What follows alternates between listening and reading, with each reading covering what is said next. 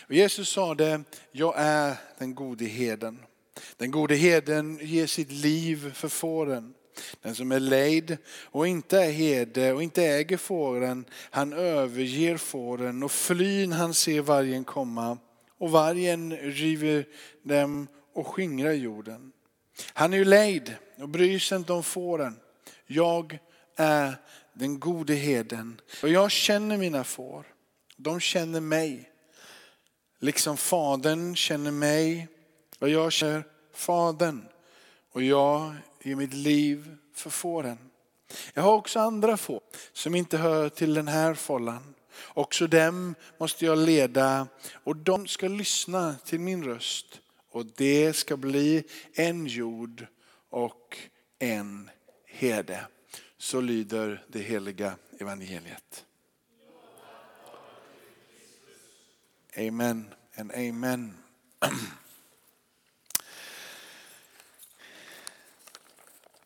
Temat, jag har skrivit herdens hjärta men det är inte te temat. Den store herden är det va?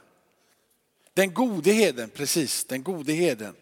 Jag, jag har kallat det herdens hjärta eh, för, för, för det är det jag landar i. Um,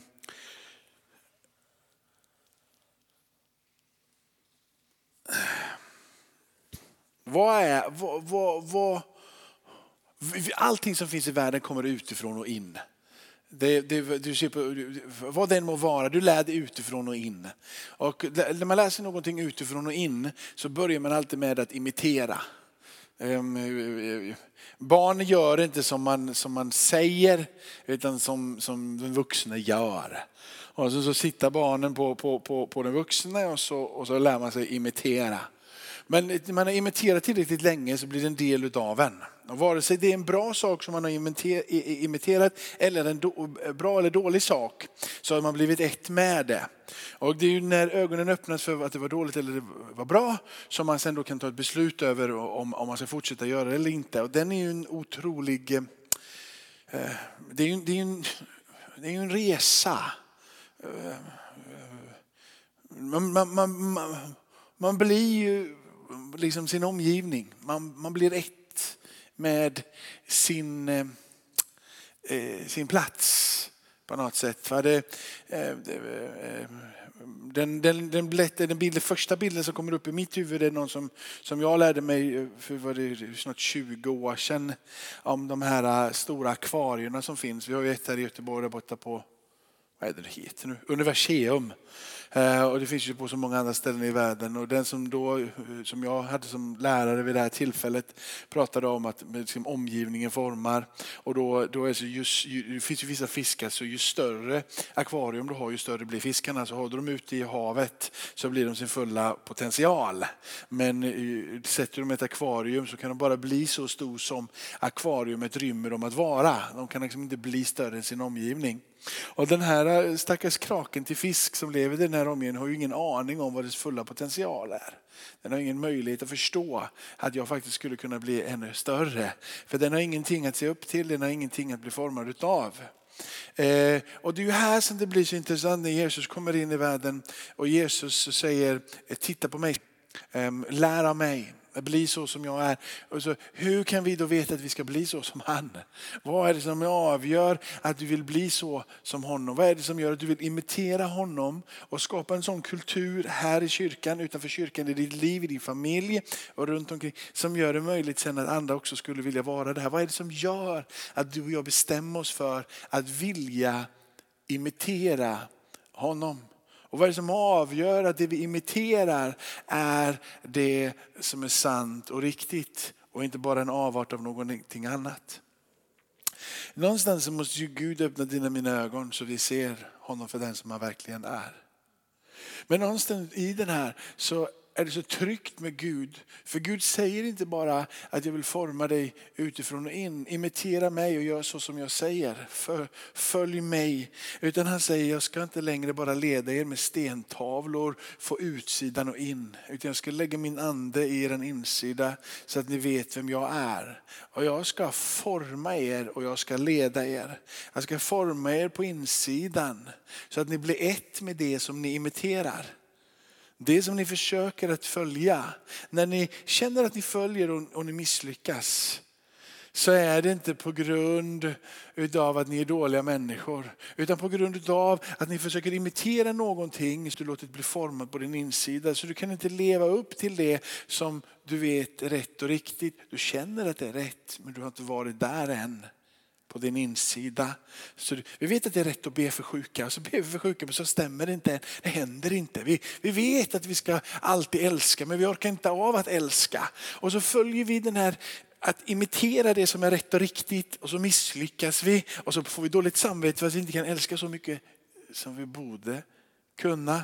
Eller ha tro för någonting här borta som vi borde men inte klarar. Och så får vi dåligt samvete för vad vi har gjort är att vi har imiterat det som är utsidan som vi vet är rätt och riktigt men vi har inte låtit han forma på insidan så att vi är ett med det som vi bekänner oss till och det agerande som vi väljer att göra. Är ni med på resan? Men det börjar alltid någonstans. Och med Gud så börjar det i båda ändarna. Det börjar med att han formar ditt hjärta för att kunna imitera det som du ser på utsidan som Jesus gör. Gör det som jag gjorde. Han ger oss anden så att vi kan med, med, med eh, liksom Jesu goda ord ta och tro på att anden påminner oss om allting som Jesus sa, allting som Jesus gjorde, allting som Jesus står och att allting som han representerar. Guds faderns rike. Och med det här i åtanke så skulle jag vilja säga så här att vi är mästare i kyrkan. Lyssna. Och vi kanske är världssämst på att ta till oss budskapen och låta det förändra oss. Varför? Inte för att vi är sämre än några andra människor, inte på det sättet, men vi är så vana att lyssna. Vi är så vana att sitta på gudstjänst, vi är så vana att ta emot olika ord så att allting till slut blir bara en enda stor djungel eller skog. Vi kan liksom bara se skogen, men vi kan liksom inte urskilja vilka träd som finns där. Vi har hört så mycket och vi är experter på att lyssna. Men vi har också blivit experter på att liksom, vi, vi är residenta emot det. Vi, vi, vi, vi, kan inte ta emot någonting för att vi har hört så mycket och vi tror att vi vet så mycket.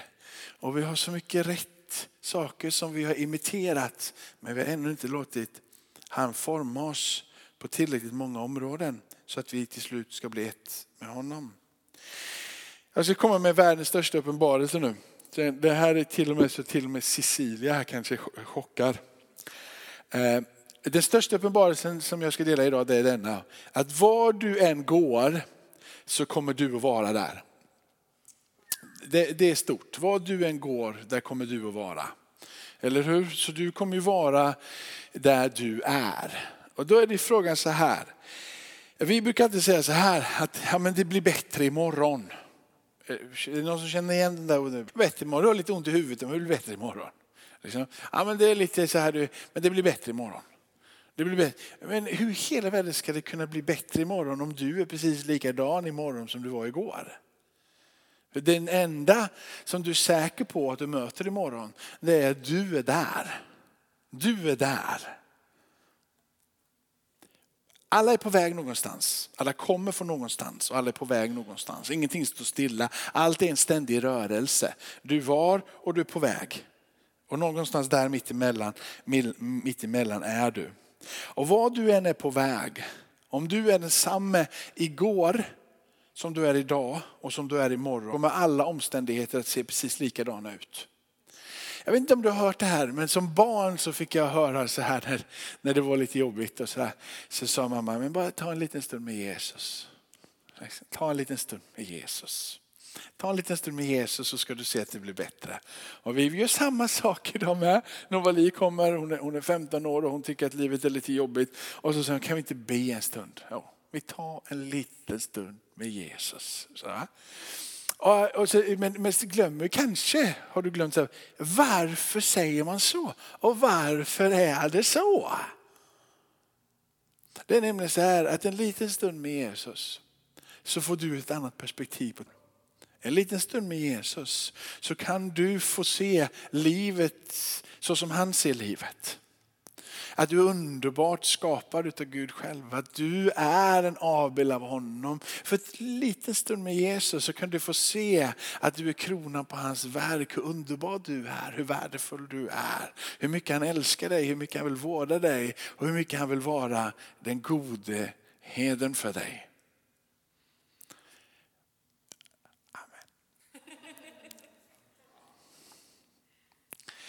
Och det är så här, varför är det så? För det, det, det, det, min, det blir min fråga då, liksom, varför? Jo, varför är för att när du är med Jesus så får du se dig själv så som du och så vidare som jag precis har sagt. Då, va? Och då varför är det så? Men då ställs ju nästa fråga. Varför i hela världen blir det så? Och hur kan vi tro på det?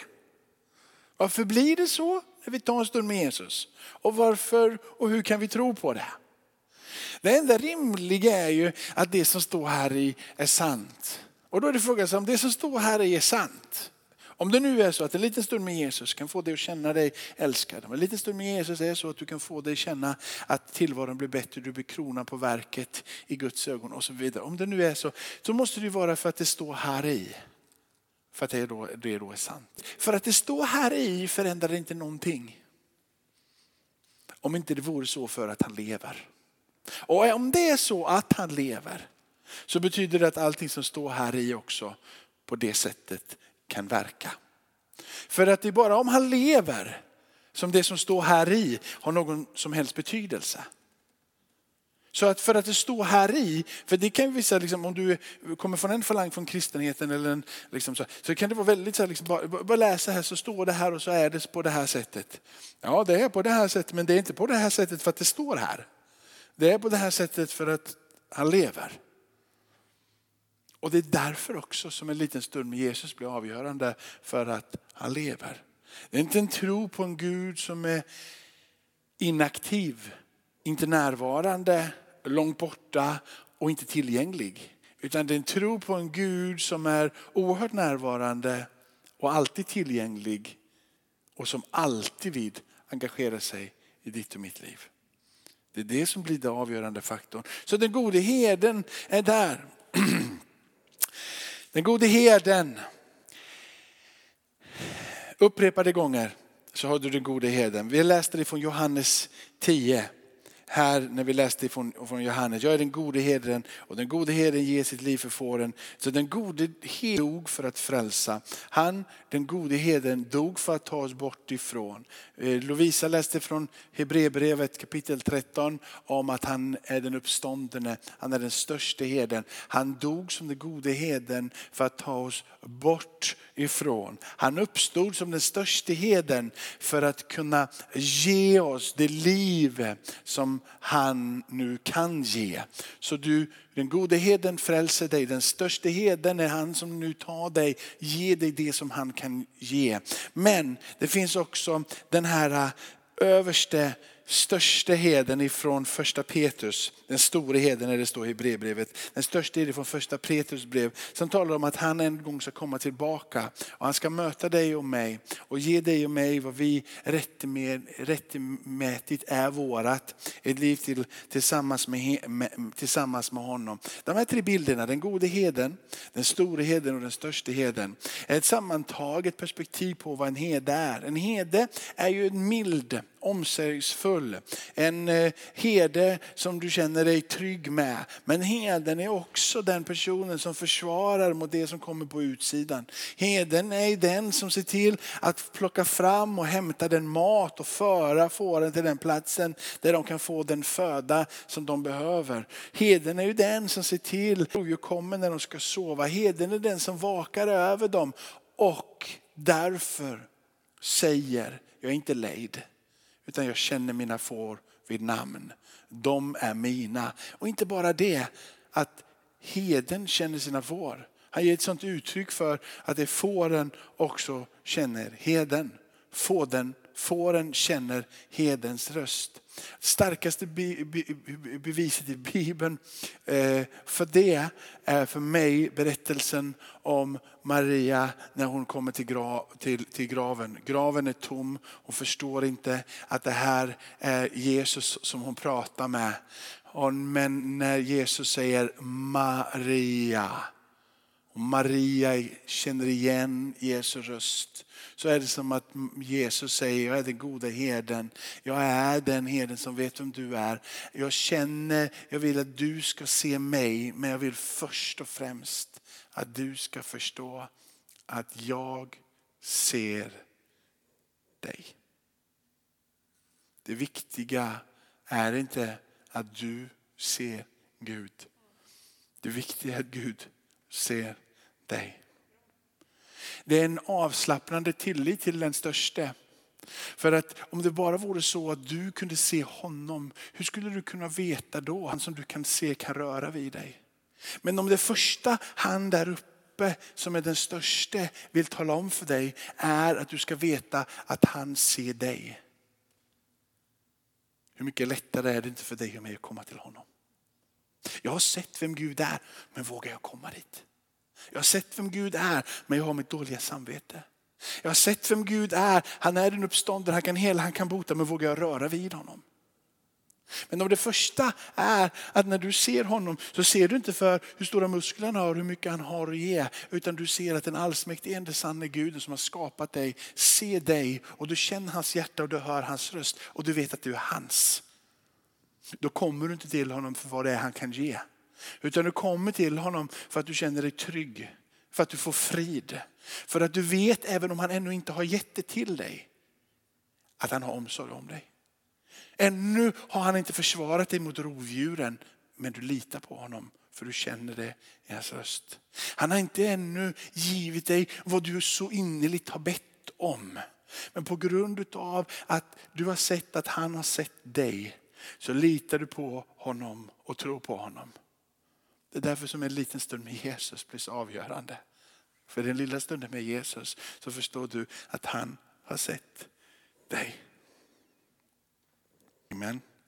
Lukas kapitel 15 så har vi berättelsen, orkar vi få upp den?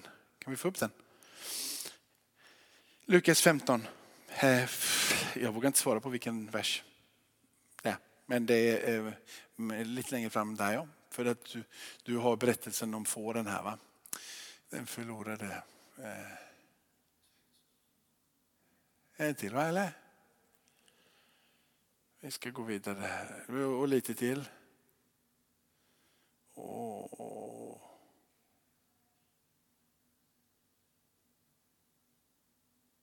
Lite till. Lite. Va?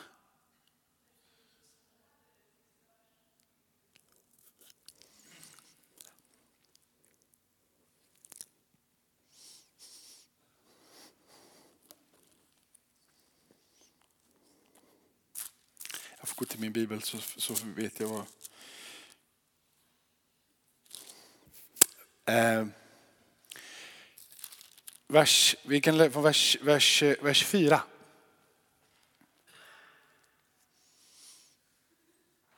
Om någon av er har hundra får och förlorar ett av dem, lämnar han då inte det 99 öknen och går ut, för att, eh, gå ut efter det förlorade tills han finner det. Och när han har funnit blir han glad och lägger det över sina axlar. Och när han sedan kommer hem samlar sina vänner och grannar och säger till dem, glädje med mig. Jag fann mitt förlorade får. Jag säger på samma sätt blir det större glädje i himmel över enda syndare som omvänder sig än över 99 rättfärdiga som inte behöver någon omvändelse. Jag ska bara säga en enda sak om det här. I många, många år så tänkte jag att om det 99 fåret, eller det här hundrade fåret, det hundrade fåret. Att det hundrade fåret, det var de ute i världen.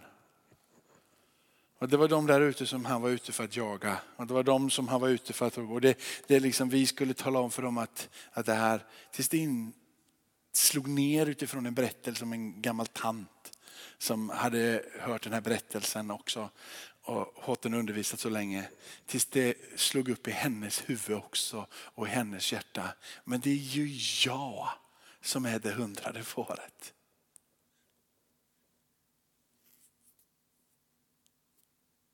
Det är jag. Det är, han lämnar de andra bara för mig. Och du också det hundrade fåret, och du också det hundrade fåret, och du också det hundrade fåret, och du också Thomas. Alla vi är Thomas, Thomas, är, är det, det förlorade far, Är det, det förlorade far. Vi är det hundrade får. Han lämnar alla 99 bara för dig. Och det är så han vill att du ska igenkänna. Du är inte de 99 som han lämnar för det som är där borta. Aldrig någonsin, du är alltid det hundrade fåret. Du har alltid det hundrade fåret. Vare sig du tycker jag är hemma nu, nu är jag hemma så jag borde vara en av de 99 så blir du aldrig de 99, du är alltid det hundrade fåret. Du är alltid den som han lämnar. Alla vi är det. Och det är bara när du förlorar det perspektivet som du förlorar hans röst på din insida. Det är när du tror att du är hemma hela tiden och att du vet allting och att du har alla svaren. Och alla andra är det hundrade fåret. Och du ska vara den starke. Men när du identifierar dig med att vara det hundrade fåret så är du den som har Jesu röst på insidan och känner hans röst. Och blir omfamnad av honom. Och i samma stund som du ser att du är det hundrade fåret och hör hans röst så har du fått all tro tillbaka att förlita dig på honom och gå hans vägar. Inte för din skull men för hans skull. Amen. Tackar dig Fader i himlen att vi får komma till ditt hus om och om, om igen. Och vi får ta emot ditt ord och vi får läsa ditt ord och vi får bli förvandlade av ditt ord Herre. Så vi vill inte bara läsa skriften för att skriften är där och sen tar det till oss. Vi vill ha skriften, förstå skriften, läsa skriften, ta emot det som en andlig mat, andlig föda. För att du är levande och du är verksam i den här stunden Herre. Så hjälp oss Herre att ta en liten stund så vi kan höra din röst. Förstå din röst, förstå din kallelse, förstå din uppenbarelse av andra i dina förutberedda gärningar. Åh, vi prisar oss saliga i det namn som är över alla andra. Amen.